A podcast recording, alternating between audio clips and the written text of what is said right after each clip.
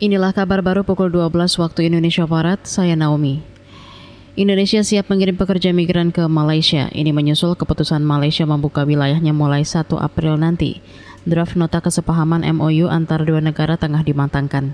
Menteri Ketenagakerjaan Ida Fauzia menargetkan MOU rampung bulan ini. Uh, kita sudah mem hampir memfinalkan MOU antara Malaysia dan Indonesia terkait dengan penempatan pekerja domestik. Mudah-mudahan dalam bulan Maret ini sudah kita bisa lakukan penandatanganan. Menteri Ketenagakerjaan Ida Fauzia menambahkan nota kesepahaman dengan Malaysia akan fokus ke aspek perlindungan bagi pekerja migran Indonesia.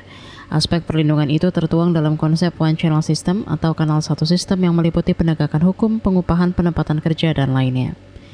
Kita ke Aceh.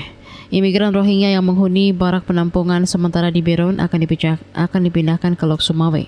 Pemindahan untuk memudahkan penanganan para manusia perahu yang melarikan diri dari Myanmar itu. Juru bicara Satgas Penanganan Pengungsi Rohingya di Lok Sumawe Marzuki Yunus mengatakan siap menampung para pengungsi.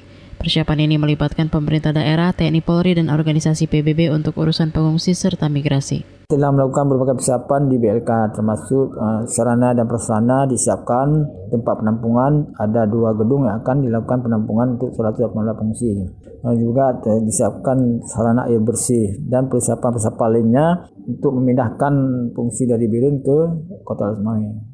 Jubir Satgas Penanganan Pengungsi Rohingya Lok Sumawe Marzuki Yunus menambahkan total ada 114 imigran Rohingya yang akan dipindahkan ke Biron ke Lok Sumawe. Terdiri dari 68 pria dewasa, 21 perempuan, dan sisanya 35 anak-anak. Mereka terdampar menggunakan kayu bermesin rusak di kawasan Kuala Muara, Biron, Senin lalu. Kita ke informasi olahraga. Klub Catalunya Barcelona akan menjamu wakil Turki Galatasaray di stand Camp Nou Spanyol dini hari nanti.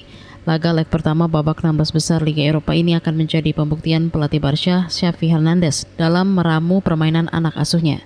Barca kini sedang mengalami tren positif karena tidak pernah kalah di 8 pertandingan terakhir.